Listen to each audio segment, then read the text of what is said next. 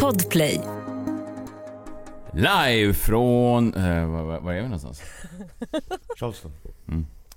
Live från Charleston, South Carolina och eh, Gotland i Sverige. Det här är The Daily Messiah. Ditt nyhetsflöde med mig, Messiah Hallberg. Klara Doktorow. John Wilander Lambrell. Vi var ute och åt här i... ehm, ja, i, i USA igår. Jag och John, vi var på en restaurang som heter eh, Husk. eh, ganska sent. Det är väl...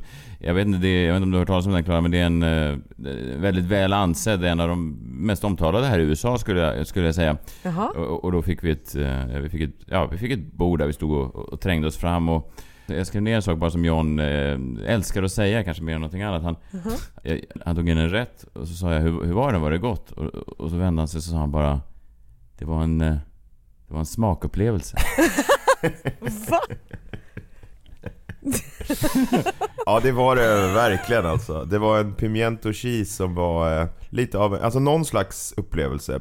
Smakig upplevelse. Jo, fast du älskar ju att säga att det var en smakupplevelse. Jag frågar ju mer, var det gott? Gick det att äta? Det var en, eh, en smakupplevelse. Jag tror aldrig jag sagt smakupplevelse förut. Jag Jo, tror ja, också... du, varenda gång vi går på en film så säger du det var en smakupplevelse. Och sen får du något fånigt i blicken så att du ler och tittar ut över lokalen. Som att, som att du har kommit hem. Ja. Eh, och sen kändes lite som att jag kommit hem. ja, och sen frågade jag, kan du utveckla? Och då sa du, mm, smakar du? Det smakar som ingenting annat. Vad betyder det här? Eh, Var det bra? Var det dåligt? Det var en upplevelse. Ja. Det var en upplevelse.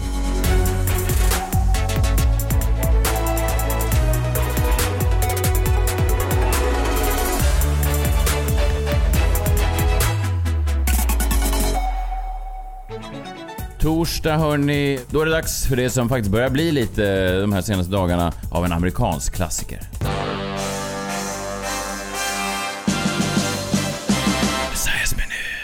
Kul att den går internationellt såklart. En viral succé. Den här minuten, det är 60 sekunder om valfritt ämne då som jag tar en take på. Och idag så har jag då riktat fokus mot Ja, men det blir allt viktigare att göra vissa val när det finns pengar involverade och det får mig ofrånkomligen att tänka på en gammal wrestler. Jag vet inte om du vet det Klara, jag och Jan ska ju se en del wrestling när vi är här i USA och jobbar. ja, det kunde jag nästan lista ut. Det brukar ni ju göra, era Mm. sjuka jävlar. Ja, och då fanns det en wrestler på 80-talet som hette The Million Dollar Man Teddy Biasi. och han hade då en, en catchphrase som han alltid avslutade sina intervjuer med. Han gick också runt och det som var en ganska rolig story med honom var att ägaren då, eh, Vince McMahon som var eh, mångmiljonär, han hade då gett den här karaktären fria händer att använda hans kreditkort. Så att för att bygga den här karaktären ibland så gick han in kanske på en restaurang mitt på Manhattan och så sa han allt här inne, vad alla äter, eh, it's on me. Och så kom jag ihåg det, the million dollar man och så gick han bara ut ur lokalen. Ska vi göra något liknande ikväll kanske? Jag har inte, jag har inte, jag har inte resurserna tyvärr. Det Jag har låter inte väldigt resurserna. dyrt. Men man kan ju säga det bara. Alltså man, behöver inte, man vet ju inte om han betalade verkligen. Vadå, att man bara går in på en restaurang och säger så här: all, all of this is on me och sen bara går man ut. Det är ju väldigt roligt. ja, men vem skulle bygga, vem? Nej men vi, vi gör en lista på 10 restauranger. Går in till varje restaurang under kvällen och säger bara Everyone, I got some great news. All of this is on me.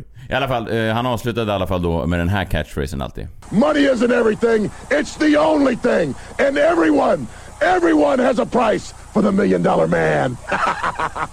Everyone has a price for the million dollar man. Han menar alltså att oavsett vad du har för principer, oavsett vad du har för värderingar i livet, så finns det en summa för eh, alla av oss som, vi, som vi då är beredda att kompromissa med de här eh, värderingarna. Och det här har ju varit ganska på tapeten här senaste dygnet. Eh, tre stories från Sverige där då folk har, eh, ja de har i alla fall övervägt det här. Okej, vi börjar med en podcast som heter Studio Allsvenskan. Det är Marcus Birro bland annat, eh, Henrik Eriksson och en kille till som jag inte kommer på namnet på. Eh, De hade då ett samarbete med Qatar Airways. Eh, antar eh, mycket pengar in. Twitter gick ut, gjorde sin grej, sa hur kan ni överhuvudtaget, en podcast, ha ett samarbete med en sån här diktatur och deras flygbolag? Och eh, ja, några timmar senare så gick Studio Allsvenskan ut och sa vi avbryter allt samarbete med Qatar Airways. Mm. Eh, eh, ja, en, en tydlig story av hur dramaturgin fungerar i medieklimatet idag. Ja, verkligen. Ja. Eh, sen har vi den svenska basketstjärnan Jonas Jerebko eh, som nu under brinnande krig eh, precis skrivit på ett kontrakt för ryska storklubben CSKA Moskva trots invasionen då. Han säger det är en ära att gå till en sån historisk klubb som CSKA. Folk rasar. Gick bara några timmar innan hans stora sponsor Nocco, energidrycken, Katarina Karlsdotter där, presschefen, gick ut och skrev till SVT Sporten vi har eh, valt att avsluta samarbetet med Jerebko på grund av hans beslut att spela i Ryssland. Vi på Nocco avskyr krig, säger Karlsdotter. Okej. Det sa han inte, men jag la till det. Det var väl en andemening. Ja, det, det gör hon väl ändå. Det, hon kommer nog inte höra av sig och revidera det. Det finns inga energidrycksbolag som avskyr krig lika mycket som Nocco. Nej, det kan man nästan se på burken. Den ser väldigt fredlig ut. Jag, Varje gång jag dricker en sån här päron så tänker jag, det blir inga krig idag. Fred, vad- smakar det? Det är en smakupplevelse av fred. Jag vill se det på nya, på nya säsongens smak av fred. Knock of peace. Mm, gott. Fridfullt i magen. Så härligt man kan kombinera världsfred och känna sig upplyft. väldigt pigg också. Ja, Visste ni att Kjell har varit ihop med Katarina Karlsdotter? Jag får väl be, be honom att gräva lite i om de har en sån ny fredssmak på gång. Det vore ju i tiden. Ja, om hon, var, om hon var lika fredsvurmande då på den tiden. Ja, det har jag svårt att tro. Ja. Men den mest omskrivna storyn då från Sverige senaste dygnet är ju då, eh, det här är ju två människor som jag mest har sett på bild. Jon Olsson, vad är han? Snowboardåkare och hans eh, fru då, Janni Deller. Du får rätta mig där, säger man så? Klara? Deler. Deler säger man, eller deler tror jag. Eller jag vet, deler, ja. Nej, det spelar inte så stor roll, men man kan, vi vi kallar henne Jenny, uttalar jag det rätt? Nej men hon heter ju Janni. Janny, Janni? Janny Deler Janni. Ja, och. Jon Olsson. Ja, Ja, Janni ja, det och spelar inte så stor roll. De är egentligen bara, de är bara objekt i min historia här. Så att det, det, det, ja, det, det spelar inte så stor roll vad de heter. Jag menar inte att dissa dem på något sätt. Du Men de verkar- objektifierar dem. Ja, men de, de är väl eh, härliga människor. I alla fall, de har då ett samarbete med Saudiarabien. Eh, De åkte privatjet dit eh, och de har lagt upp lite sponsrade Insta-inlägg. Så som Insta-kändisar av idag gör. Eh, De har fått en summa såklart för det här, för de hashtaggar då allting med Visit Saudi. Och fritt översatt, eh, nu är inte min arabiska på topp, men det betyder väl någonting med besök Saudi. Eh, det tror jag, ja. Ja. Och tror ni att folk har rasat på det här? Ja. Svar ja! Ja. Folk har sagt hur kan ni två uppmuntra en sån eh, hemsk regim som det nu är då i, i Saudiarabien? Ja, problemet då när man redan har tagit emot pengarna och kanske inte kan lämna tillbaka dem. Jag vet inte ens vem man ringer, vem av shejkerna man så att säga hör av sig till och säger så här, ursäkta vi har kommit på att vi, vi är emot eh, avrättandet av homosexuella. Det är ju svårt för en snowboardåkare tänker jag ha de ingångarna. Vad vet jag? Sekreteraren säger Mr Shake, Jon och Janni är is on the phone. Nej, nej men det, det är ju svårt såklart, så då måste man ju på något sätt motivera för sig själv och för sina följare varför man ändå är där. Alltså det, grejen är att det, det är en stor kampanj som pågår i Saudiarabien. De vill ju då förändra bilden av landet i väst. Det är han, eh, den nya då, Mohammed bin Salman, en lite yngre eh, shejk, eller en Mm, yngre kronprinsen. ledare. Ja, en kronprins ja. Precis, han är ju då en ny ledare, MBS, för landet. Och han vill ju då, eh, ska jag säga, vittvätta sin egen regim genom att göra det här. Att ta västerländska symboler och idoler och influencers och artister och bjuda över dem och eh, då hävda att man då långsamt förändrar eh, landet, alltså att man förändrar landet inifrån istället för att fördöma landet på avstånd. Så genom att då till exempel ha en konsert i Saudiarabien så kan man ju då långsamt omvända den förtryckande majoriteten. Ja, och det är väl det många av de här artisterna hävdar. De får ju nästan ett, eh, någon slags budskap här som de kan använda. Ja, men man kan ju tycka att det är konstigt då, alltså man får budskapet från förtryckaren. Ja. Alltså det, att förtryckaren säger så här, titta här, det här är anledningen till att du kommer hit och genom att du kommer hit och att du tar emot de här pengarna så eh, kommer jag bli en mindre förtryckande förtryckare. Eh, det kan du läsa här, det har jag skrivit själv. Ja, ja, ja nej, Jon, Jon och Jenny köpte det i alla fall. ja men alltså. Jag menar bara, det, det var en konstig inställning. Ja, fast Jon är ju, han är proffs på det här. Han har ju gjort det här förut fast istället för Saudi så har han då liksom tagit miljön som ämne. Eh, för han var ju i hitluften här för ett några år sedan var med i en intervju i Café och eh, sa då att anledningen till att han flyger så mycket är att han verkligen brinner för miljön. Vadå, Han har gjort det här till en affärsidé. Gud. Han Ja. förändrar flyget inifrån flygplanet. Så att flygplanet långsamt förstår att det ska släppa ut mindre. Jag tror att hans tanke då är att, att eftersom han är med och bidrar till då att liksom flygindustrin får mer pengar så kan de också utveckla sin teknik. Typ. Mm. Så det är ju exakt samma liksom, tanke och retorik Ja. som Saudiarabien men alltså det stämmer ju inte riktigt. Nej, nej det, det är ju ett problem också att Johnny och Jon ser ut exakt som två stycken som inte har en aning om vad som pågår i världen. Alltså att de har exakt det utseendet. Det är så synd om Johnny och Jon att de ser exakt ut som två människor som inte har en aning om det är natt eller dag. Det är ett problem för dem att de har det utseendet. Det kanske de har. De är säkert superbrighta och uppenbarligen mycket långt mer framgångsrika än vad jag någonsin kan drömma om att bli. Men det är synd att de har just det där utseendet när de hoppar på sin privatjet. Att de ser ut som att de, de har ingen aning. Alltså det skulle kunna vara hakkors på, på själva planet utan att de säger vilken design. Har ni tagit in en en tysk design för det. Ja. Men då på Johnnys Instagram så skriver då Amnesty Norge att eh, vet du vad eh, Jonny och Jon, det här verkar inte funka så mycket. Eh, snarare tvärtom då. 106 personer har avrättats de här första tre månaderna det här året. Mm. Den högsta siffran då av avrättade människor de här senaste 20 åren. Och det är fortfarande dödsstraff för homosexualitet. Och kvinnor behandlas som andra klassens medborgare. Och så vidare. Så att trots då att de åkte privatjeten så verkar det inte ha gett någon direkt effekt det här första kvartalet. Men det kanske kommer längre fram. Jag tror att de spelade jag? long game. Ja, det är ju smart av dem. Och en wrestlingkoppling till då, WWE då som är det största förbundet i USA. De har då gjort en deal med eh, kungadömet i Saudiarabien. De får alltså då 50 miljoner dollar per show. De åker då två gånger per år till Saudiarabien. De har då shower där de får 50 miljoner amerikanska dollar per show. Eh, vilket då är, ja, om snabb kalkyl, jag är inget, inget snille, men det är 100 miljoner eh, amerikanska dollar då per år. Och det här är då ett tioårskontrakt som de har. Och de använder exakt samma retorik. Det är som att kungen har gett dem, eh, även dem, det här pappret som han har skrivit. Med budskap. Med budskapet. Här är huvudbudskapet. För att till exempel då få kvinnor brottas, alltså amerikanska kvinnor får då brottas på de här showerna inför de här männen. Det är ju inga kvinnor som är tillåtna i arenan. Nej. Men då får kvinnorna lite täckta då. Ja, de har helt andra kläder på sig än de vanligtvis har. Ja, men en, en kvinna som kanske annars brottas i en, någon slags sport-bh har nu någon slags heltäckande dräkt. Men att det då långsamt förändrar bilden av mm. kvinnor då i de här muslimska länderna. Mm. Och det vet jag väl inte riktigt om det gör. Eh, oavsett vilket så kan man ju säga att det är en fin tanke att få 100 miljoner dollar för. Ja, ja verkligen. För ett, ett, papper med ett budskap på. Ja. Mm. Framtaget av byrån Acne i Stockholm. Men eh, frågan är då, har Million Dollar Man Teddy Biasi en poäng här? Han säger då “Everybody has a price for the Million Dollar Man” har alla vi ett pris? Hur mycket pengar skulle du ta, Klara, ja. för att så att säga göra ett litet samarbete med Visit Saudi? Åh oh, gud, alltså jag ska säga er att jag har faktiskt fått eh, erbjudanden som har varit så här sjuka. Eh, med sjukt mycket pengar. Från Saudiarabien? Nej, inte Saudiarabien, men liksom... Alltså Från typ, Huddinge? nej, men, Huddinge kommun. Nej men alltså det är också typ väldigt såhär vapenindustrin. det är typ Huddinge kommun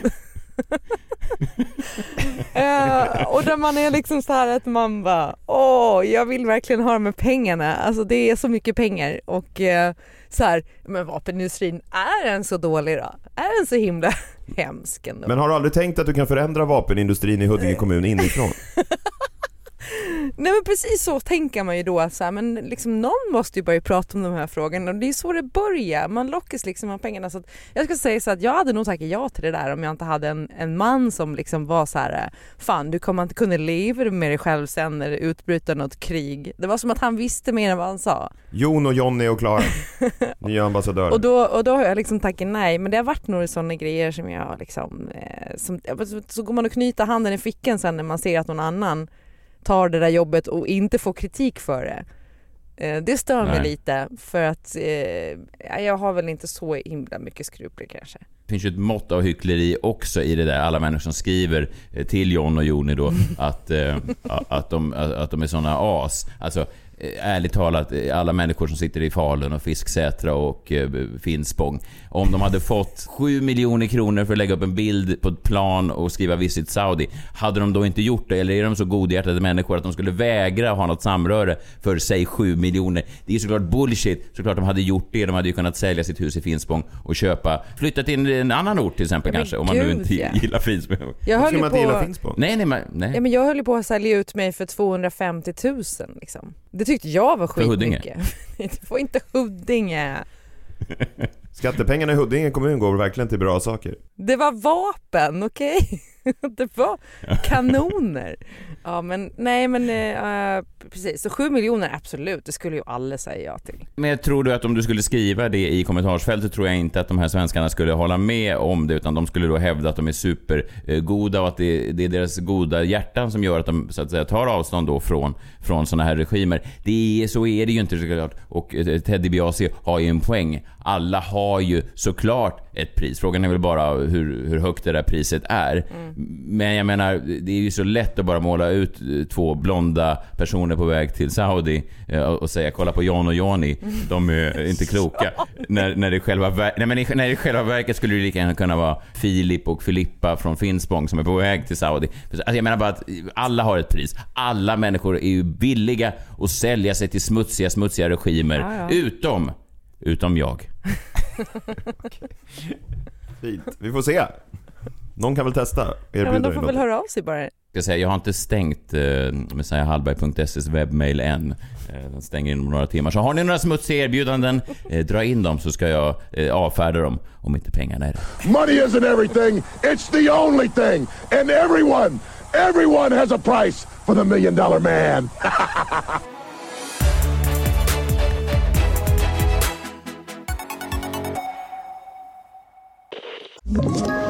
Ett poddtips från Podplay.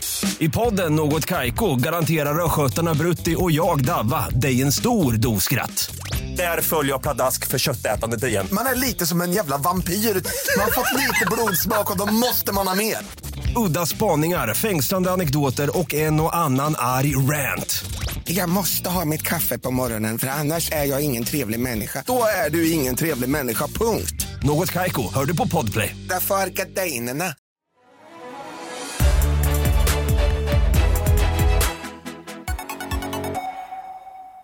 Klara Doktorov, vad har du funderat på på din kula?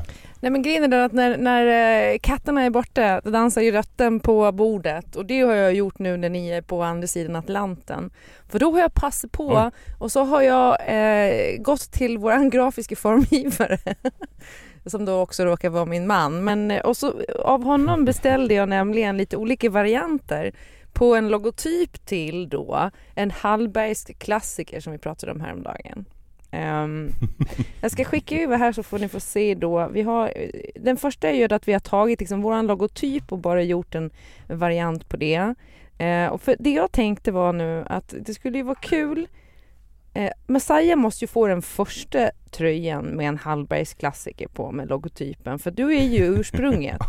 du ska liksom ha nummer ett. Men sen tänker jag att då mm. att de första tre andra som gör den här eh, Hallbergska mm. klassikern och lägga upp det på Instagram när de har liksom gjort alla fyra grejerna i ett inlägg och tagga oss. Att de då mm. också ska få en numrerad Ja, du skickar ju här då lite olika det är någon här med den lite klassiska Daily Messiah-logotypen, eh, fast det då står Hallbergs klassiker istället. Det är väldigt fina. Sen är det någon, jag förstår inte riktigt här, det är något någon konstig, det är en levande, ett levande Hägendas-paket ja, som står... den har liksom lite mer... Är det jag?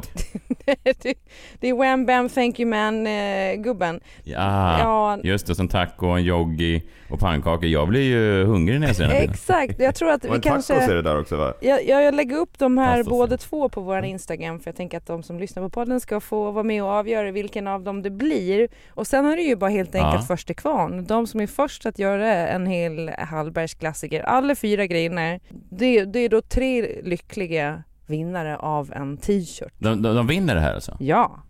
Det är såklart. Kul ju. Det tror jag är kul. Vi har haft väldigt lite lyssnartävlingar. Jag tror att det är väldigt populärt. Man ser på många av de andra uh, stora radiokanalerna, Kicks och Mix, uh, att de jobbar mycket med det här. Att uh, vinn en, vinn en tandborste från uh, liksom, någon kändis. Saudiarabien? Ja, kanske Saudiarabien. Typ att Martin Stenmark har borstat tänderna med den här och nu kan den bli din. Och så. Det, ja, men, ja, jo, nej, men jag tror att det är väldigt populärt. Vad kul. Lägger du ut en omröstning då? Eller, så, ska Hur ska göra... man göra det här?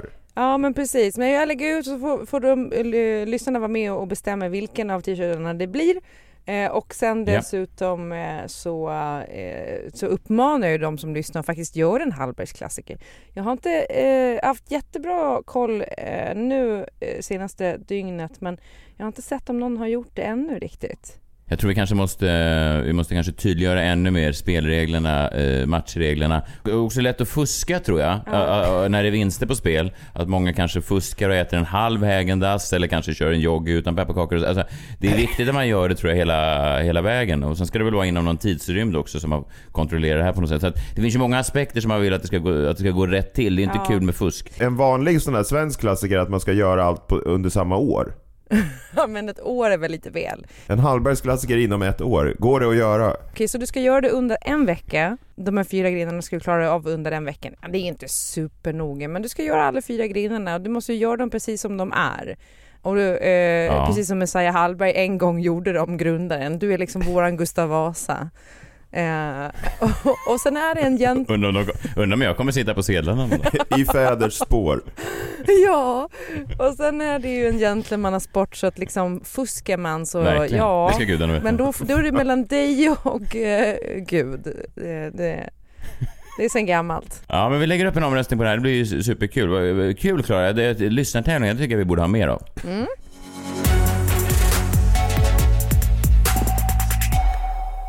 Och eh, John, vet du vad? Jag jobbar även vidare med din eh, omröstning där som du pratade om det här med att QQ den här som väldigt negativ respons hittills. Jag har inte lagt upp den än. Många, många säger att det där vill jag inte ens rösta på. Nej, jag tyckte att många skrev Var är omröstningen? Ja, om QQ. Och vad, alltså det här att du jobbar på det, hur lång tid kan det ta? Men jag jobbar vidare ju, på att få upp...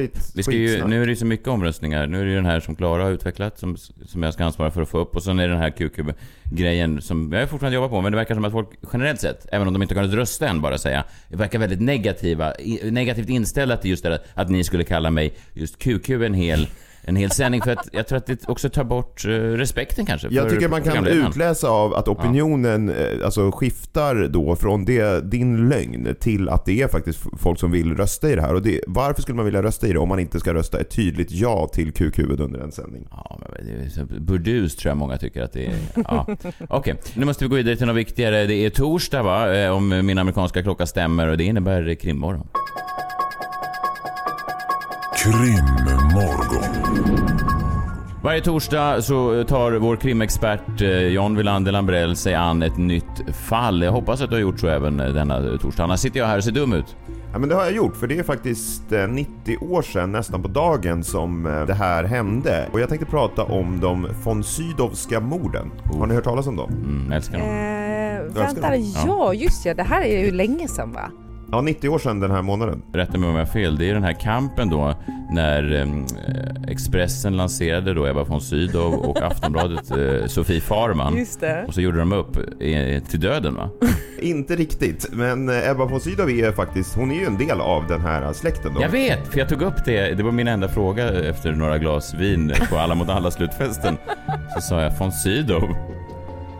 Har du några som har stus, så att säga. Var hon, dött i din eh, släkt. Var hon stolt över den här historien? Eh, eller var hon... Jag kunde inte utläsa det. Jag, jag fick känt, när jag väl hade sagt det Ibland vet man vad man säger något. Där kan du säkert relatera till Klara. Eh, så att du, man har en liten glappkäft så. Mm. Och... Okej. Okay. Eh, inte dig. ja men det kan du väl... Ja men det var lite hårt. Jag menar bara att, att man säger saker. Ja, sen, ja, visst. sen när man ah, väl har sagt det så tänker man, det, kan, det kanske är... Det kanske är det är grovt att fråga om mord i släkt. Vad vet jag? Nej, det är sant. Ja. Det är en doktorovsklassiker att man går runt och är glappkäft under en vecka. ja, men jag tänkte, jag berättar lite grann om eh, vad det var som hände här. För jag tror att det här ändå är lite av en skamfläck på den von Sydowska släkten. Eh, och den här släkten då, det är ju liksom en uradlig tysk släkt som vi i Sverige känner väl till då med Ebba och, och andra Max von Sydow har vi också. Eh, den har liksom nästan lika många kända namn som släkten Badran har i Sverige. Oh. Men till skillnad från Badrans då så har den von Sydowska släkten ett väldigt mörkt kapitel i sin historia och det är det Krimmorgon ska handla om idag. Den här historien börjar då en måndag i mars 1932. Det börjar som en helt vanlig måndag, alltså solen går upp i öst och en ny Beck-film har premiär. Redan då alltså? Ja, ja, det kommer igen varje vecka. Mm. Och i en av Stockholms lyxigaste lägenheter på Norr så bor eh, häradshövdingen Hjalmar von Sydow. Och på eftermiddagen den här måndagen så gör Hjalmars dotter en fruktansvärd upptäckt när hon kommer hem från skolan. För Hjalmar tillsammans med eh, sin kokerska Carolina och hembiträde Ebba ligger ihjälslagna i olika rum i den här lägenheten. Polis tillkallas och ett strykjärn som saknas från platsen misstänks vara mordvapnet. Och misstankarna riktas då ganska direkt mot Hjalmars son Fredrik von Sydow. Eh, Han är 23 år och studerar i Uppsala och han och hans flickvän Ingun var nämligen på plats i lägenheten när Hjalmars dotter kom hem. Och hon undrar ju så här, "Jaha, är, är ni här? Och då stod de och torkade upp vad de sa var rödvinsfläckar. Ja, där, redan där, nu är inte jag någon poliskommissarie, men, men om det begåtts mord och tidigare den dagen i lägenheten så har någon stått och torkat upp röda fläckar. Ja, Misstankarna fa- faller ju såklart. Ja, alltså jag tror inte att Hjalmars dotter sa så här. Åh, det här ligger liksom tre lik och fan någon har spilt rödvin på mattan. Nej.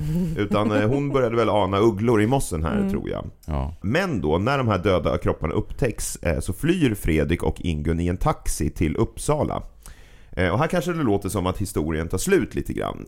Men den har bara börjat. För de flyr till Uppsala och försöker få ett rum på Stadshotellet där. Men det är fullt. Och istället går de till restaurang Gillet och beställer in ostron och champagne. Som för att fira. Edvard Blom kommer fram och säger hej men går sen. Eh, samtidigt är polisen det unga paret på spåren. De ber hovmästaren på restaurangen, de kör upp till den här restaurangen, Stadshotellet, och ber hovmästaren på restaurangen att säga till Fredrik och Ingun att de har två vänner som vill träffa dem utanför. Det här var ju deras då plan för att locka ut dem ur restaurangen. Det är inte kanske de skarpaste polishjärnorna. Eh, det sägs att Nej, Kling och Klang i Pippi Långstrump är skapta efter dem. Men paret von Sydow då, Fredrik och Ingung, de reser sig och de går på det här.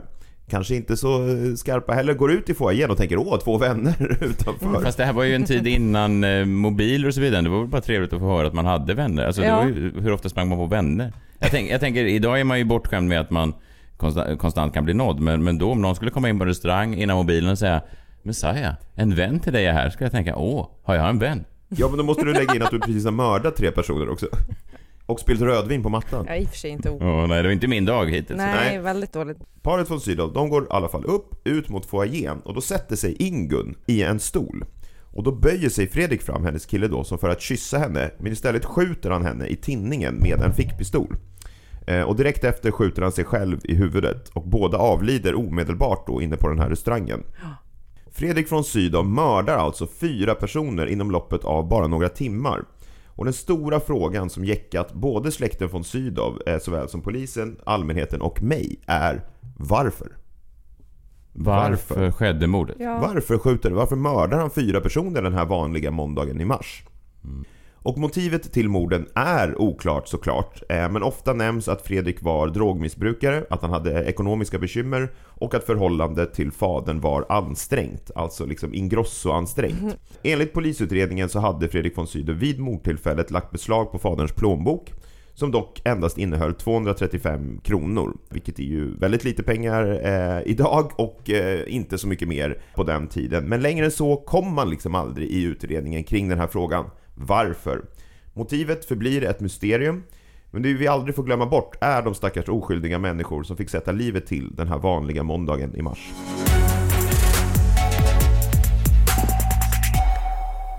Från Sydowska morden. Det hade alltså ingenting att göra med det som jag trodde i början där med, med Sofie Farman och Ebba von Sydow.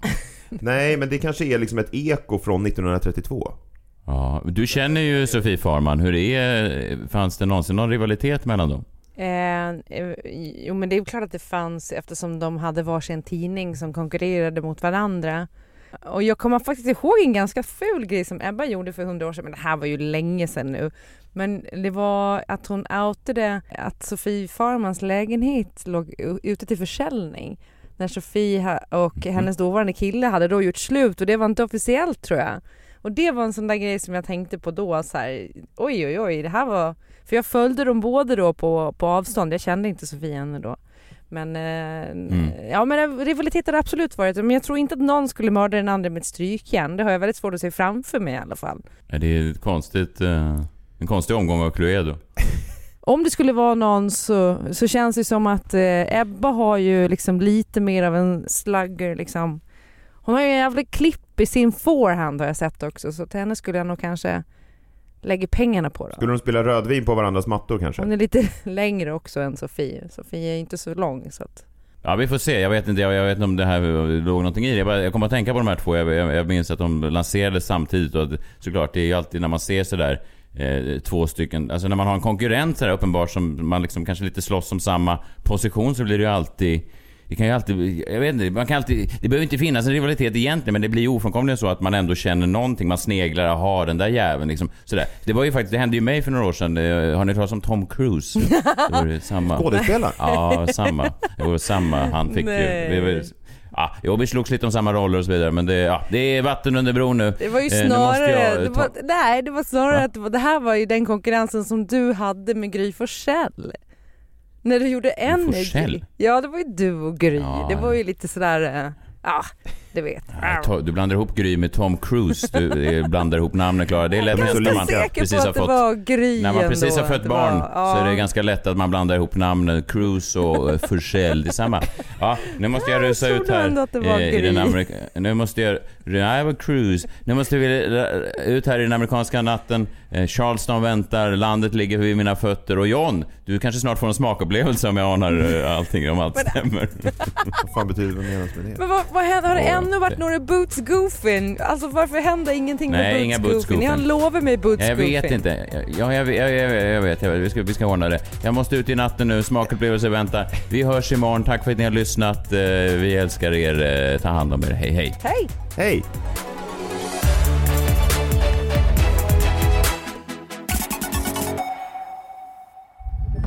Podplay, en del av Ett poddtips från Podplay. I podden Något Kaiko garanterar östgötarna Brutti och jag, Davva, dig en stor dos skratt. Där följer jag pladask för köttätandet igen. Man är lite som en jävla vampyr. Man har fått lite blodsmak och då måste man ha mer. Udda spaningar, fängslande anekdoter och en och annan arg rant. Jag måste ha mitt kaffe på morgonen för annars är jag ingen trevlig människa. Då är du ingen trevlig människa, punkt. Något Kaiko, hör du på Podplay. Därför är gardinerna.